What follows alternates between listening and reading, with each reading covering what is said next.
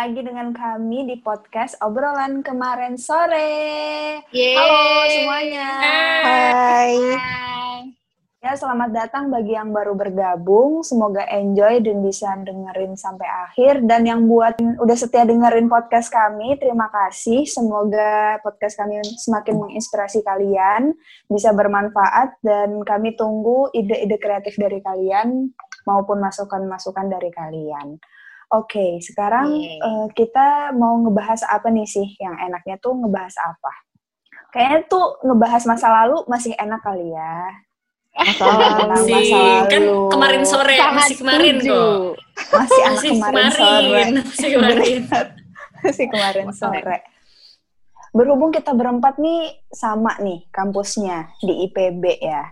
Dan eh, Oh. kayaknya nggak semua alumni atau mahasiswa eh, punya pengalaman eh, tinggal di asrama. Nah, berhubung kita sama nih semuanya, ada nggak sih pengalaman-pengalaman kalian dari Sandra, dari Amira maupun dari Depot yang pingin diceritain, dibagi sama teman-teman pendengar kita. Oke, sok atuh siapa yang mau duluan? Mau dari mana nih? Dari yang masalah kesel-keselan sama cutting tuh yang jagain lorong. Siapa namanya? Eh, apa SR. bahasanya tuh? SR, Resident. Senior Resident. Atau dari Kayaknya yang yang yang pengalaman seru bagus sih Sandra, yang gimana tuh?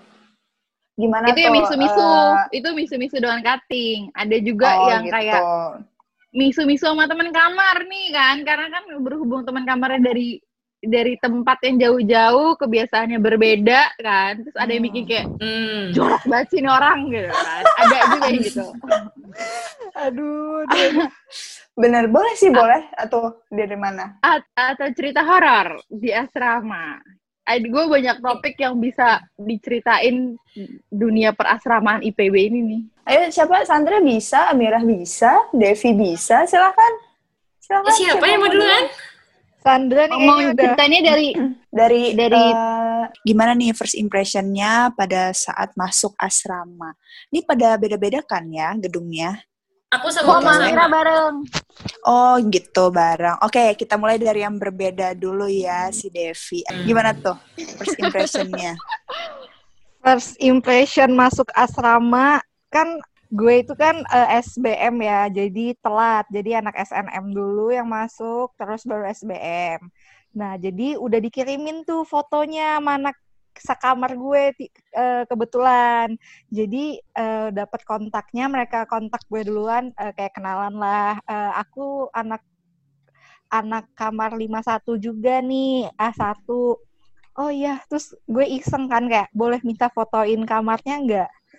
Terus pas di foto kamarnya, terus kayak oke, kayaknya ya boleh lah ya. terus gue kayak oh ya udah nggak apa-apa, nggak apa-apa.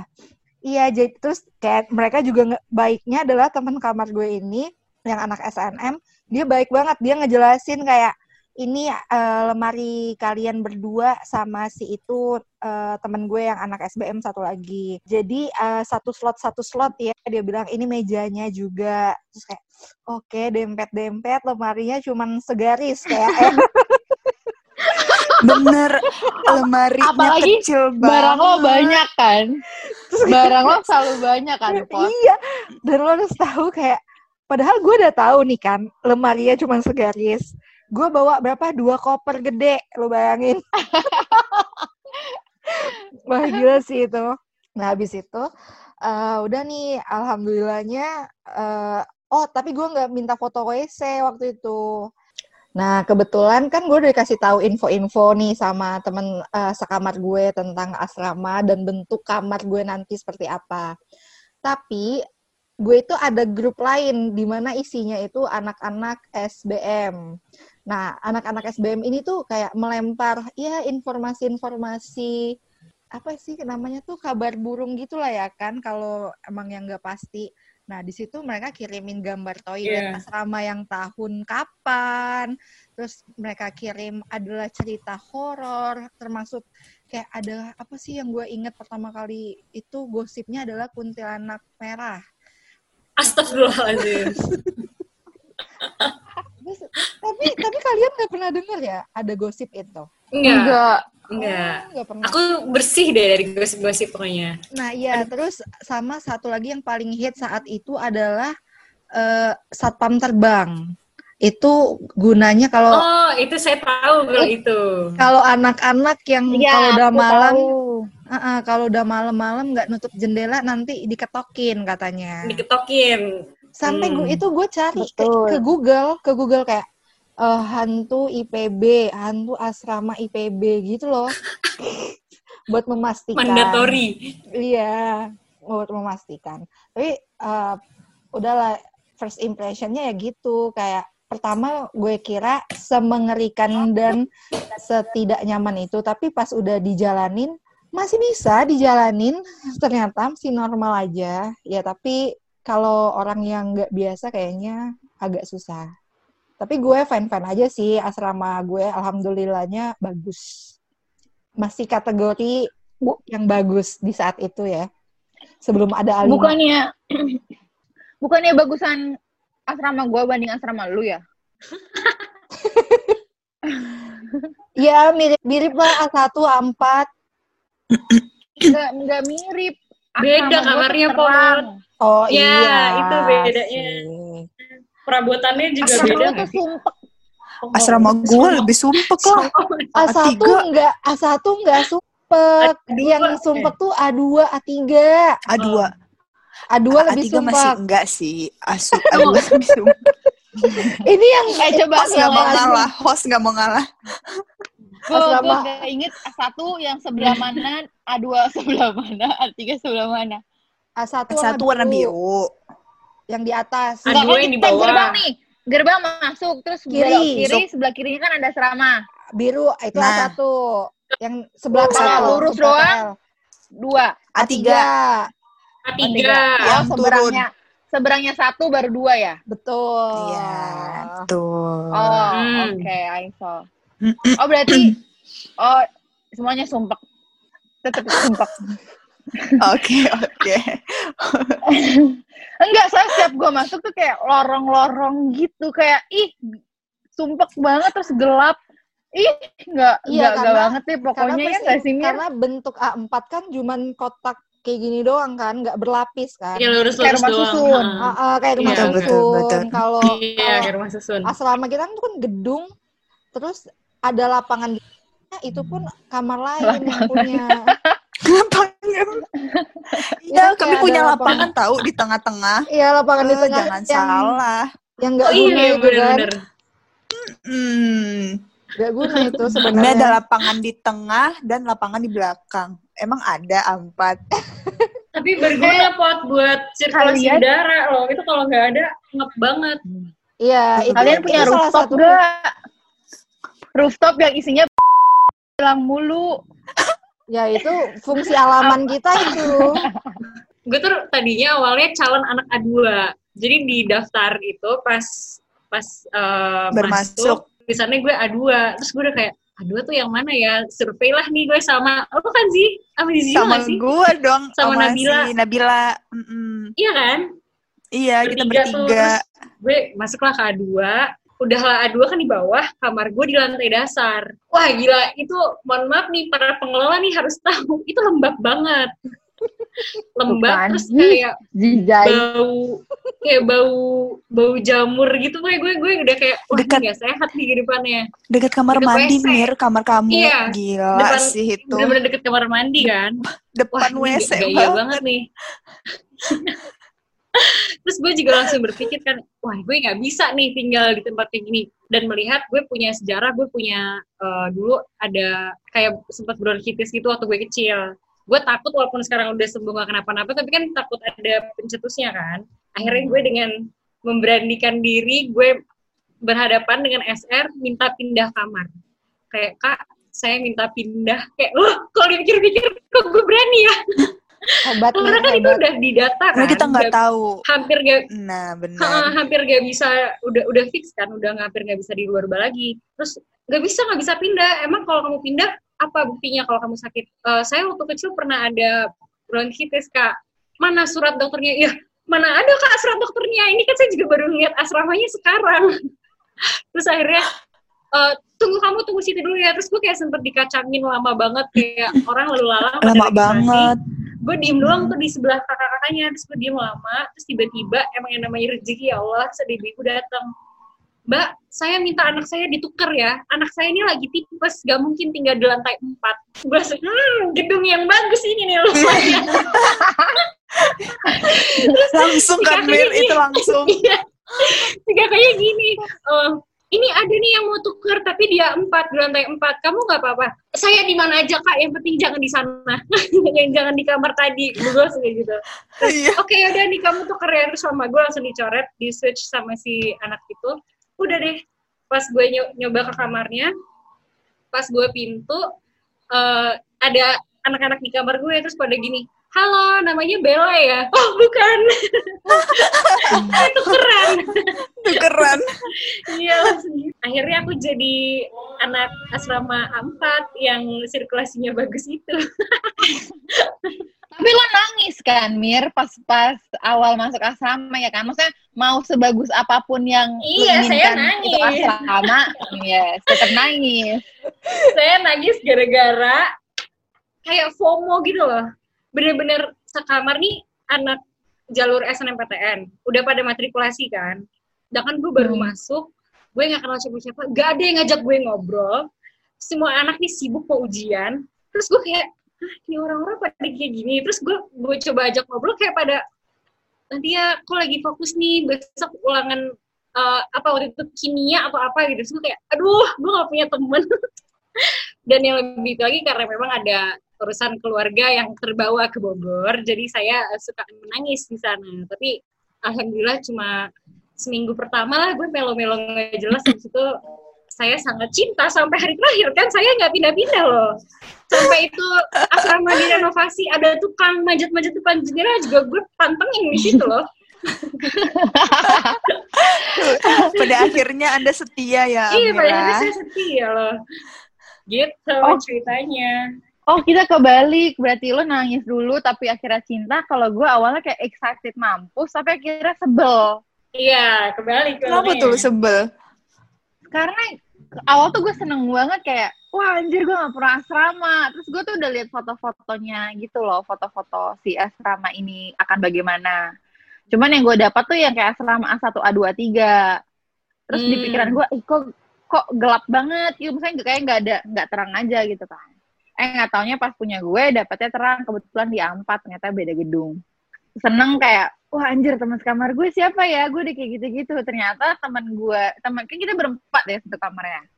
Eh dari Rembang satu, dari Bojonegoro satu, dari Jakarta satu. Ya udah kan, terus si dua orang Jawa ini udah datang duluan. Jadi udah ngetek di bawah duluan.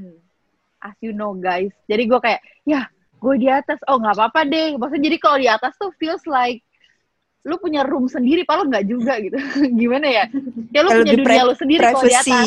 Hmm, Iya, benar-benar. iya. benar. enak banget di atas tuh emang saya nggak dapet Gue di bawah. Eh, awalnya gue seneng kayak ya udah kayak kenalan kamu dari mana segala macem Pokoknya segala macem akhirnya eh, ke mana-mana bareng ke barak bareng ke sini bareng wah gila lo udah kayak hebat deh pokoknya lama-lama gue kesel kayak ini orang jorok banget sih makanan eh, piring kotor ditaruh di mana di di bawah kolong nggak dicuci-cuci berhari-hari terus gue kayak enggak jadi gue ngomongnya jangan Bercanda. bahas Bercanda. lah, nggak yang marah-marah ya Iya, iya. Nah, terus yang bikin keselnya adalah oh, bukan teman kamarnya, tapi SR-SR dunia persenioran kakak-kakak yang menguasai lingkungan ini nih. Sebenarnya tujuannya bagus ya tapi kadang galaknya tuh suka eh gimana kok lo galak sih kayak suka gitu gak sih Wah, banyak deh terus kayak kewajiban-kewajiban ini. Eh, Sodung. Ngalong. Sodung. Ngalong. Sodung. Apalagi sih yang lorong. Oh ya yang gedung Terus itu. ada bu ngadung, ngadung Hmm. juga ada kan ngadung. Ngadung, ngaji gedung. Terus kalau ada yang orang IPB yang ngasih ceramah itu apa ya? Sodung sodung itu gak sih Sodung, Sodung. apa ya? Peka So. Soga so gedung. apa gedung gitu Kalau gue sama kayak Amira sih, karena kami kan melalui jalur yang berbeda dari antara semuanya. Jalur buntut, Jadi- terbuntut deh. Ter- Paling eh, ujung enggak, Mir. Ada lagi yang di bawah kita, Apa? yang di daerah ada Oh, itu nama afirmasi ya? Afirmasi. ya? Yang daerah Mm-mm. terluar itu ya? Oh, iya, terluar iya, iya. ya itu ada itu soalnya temen lorong lorong aku ada nah aku sama Amira termasuk termasuk jalur yang belakangan nih masuknya dan sama sih kayak sama Amira pas aku masuk ke kamar karena aku ditemenin kakakku kan alhamdulillahnya kakakku udah pernah asrama juga dan kakakku di situ speechless mas tak ngelihat kamar waktu pada saat itu. Karena katanya bagus masa daripada zamannya. Pada Wow. zamannya itu pada zamannya itu kasurnya kapuk guys. Oh iya, kakak Pernah gue juga dengar, pernah cerita pernah juga. dengar. Ya, pernah dengar. nah dan di situ kata kakak gue kamu harus bersyukur gitu. Aku sampai ditepuk-tepuk. Kamu harus bersyukur. Ini tuh udah lebih baik daripada zaman kakak. Gue gimana kan? Setidaknya gue melihat lemari cuman se- segaris berapa senti itu sih guys lebarnya Meanwhile lo anak rantau Sumatera kan, 30 kayak cm gak bakal muat. nggak bisa. Gila, gila ya Allah. Dan ya gue tuh kan orangnya ya bersih kan. Jadi ngelihat itu penuh dengan eh, debu, gue bersin, laba-laba. gue jarang laba, eh, sering laba-laba, jarang apa eh, apa namanya ventilasi itu udah item banget gue liat di jendela gitu kan. Ya udahlah gue terima aja tuh. Ya tapi alhamdulillahnya sih kamar gue isinya para alimers. Oh. para Hmm, teteh-teteh alim. Alhamdulillah. alhamdulillah. Dan ya enak sih kalau gue walaupun mereka pinter guanya enggak tapi mereka berbagi sering belajar bareng gitu sih terus kalau Jamal ada yang pernah kena Jamal enggak kalian Anyway, kalau Yes. bandel-bandel masalah Jamal, gue, lu tau gak sih yang si Tedung? Tedung kan namanya, cuy. iya ten- tenda ungu bener bener Betul, Tedung kalau malam, kan ada, kan dia punya gerbang kecil yang suka kita lewat itu kan. Nah, bener itu kan kalau malam kan ada dikunci. Awalnya tuh di situ tuh nggak dipasang lampu. Gue inget banget. Gue diajarin temen kamar gue. Akhirnya kayak diajarin sekali dua kali. Oh aman. Lama-lama gue kayak makin menyepelekan aturan eh perasramaan ini ke bara sampai malam kayak pulang malam santai aja manjat kayak gitu-gitu manjat sih di gerbang kecil itu. Habis itu kok SR gue buat pengumuman atau pas kita lagi apel gitu, pokoknya intinya banyak orang manjat di situ. Gue nggak tahu include gue apa enggak terlihat. Cuman akhirnya ditaro apa coba lampu pas banget di situ. Dikasih lampu warna putih lagi bukan kuning yang terang gitu, biar kelihatan siapa yang manjat gitu. Jangan-jangan sebenarnya selain lampu itu ada CCTV, no. Jangan-jangan. Ah, gosipnya gitu kok gosipnya Oh, gitu, gitu. gue nggak berani banget manjat karena katanya ada CCTV loh di situ gitu ada yang Bentar, ngomong gue nggak tahu sih tapi itu bener atau enggak kalau CCTV gue nggak pernah ngeliat wujudnya ada ada hal-hal sedikit yang buat kesel sih tapi seru gitu sebenarnya Seru sebenarnya seru Langsung dia, banget. hmm. Oh iya, Seru. itu kayak kayak pengalaman once in a lifetime. kan, Iya, berarti. benar, Yes. benar. Gue dulu pernah Yes, asrama benar. gitu. Ya, kayak nggak kebayang kan gimana asrama.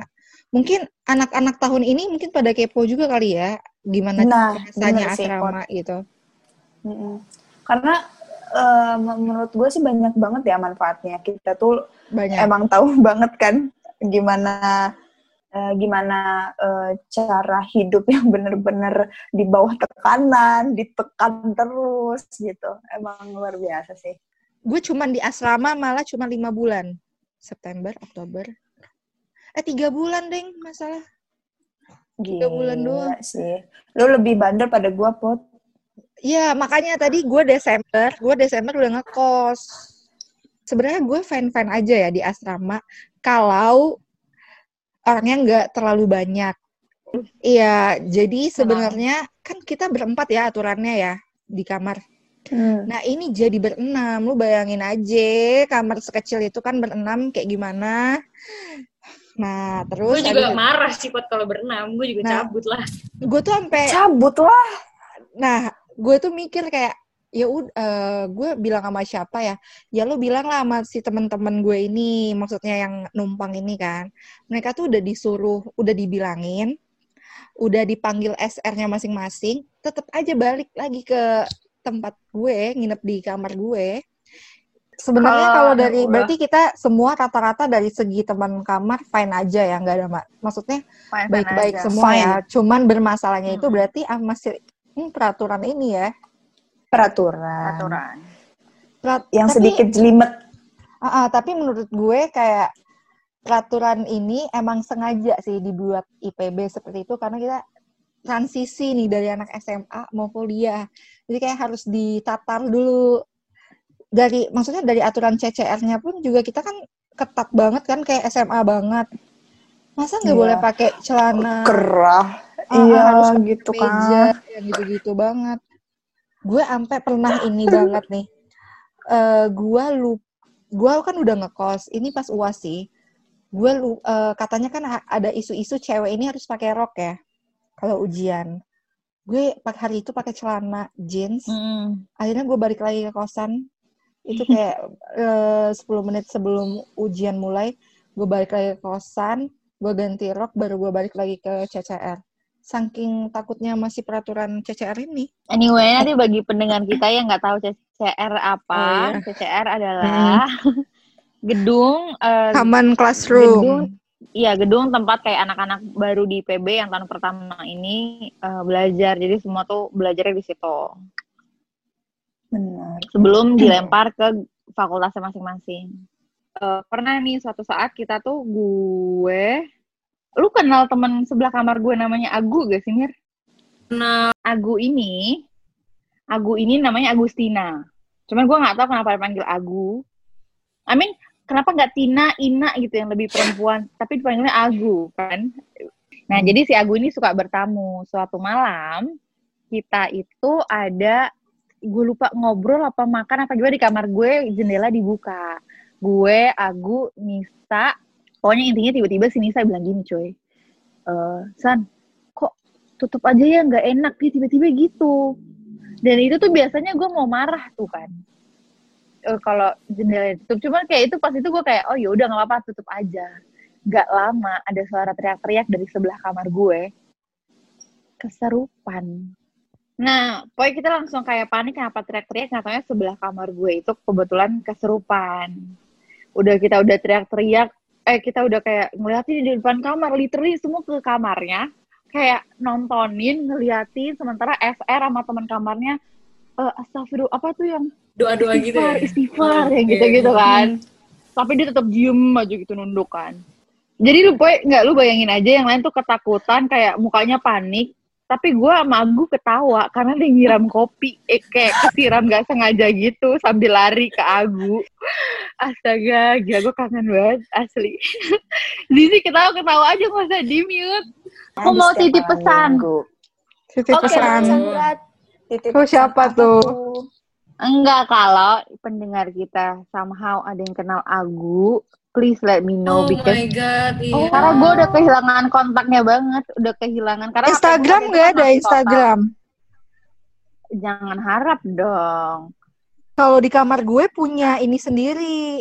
Kalau udah mau maghrib, pasti otomatis kita tutup jendela. Tapi kalau udah dari subuh, dari pagi tuh pasti udah dibukain jendelanya sama temen gue.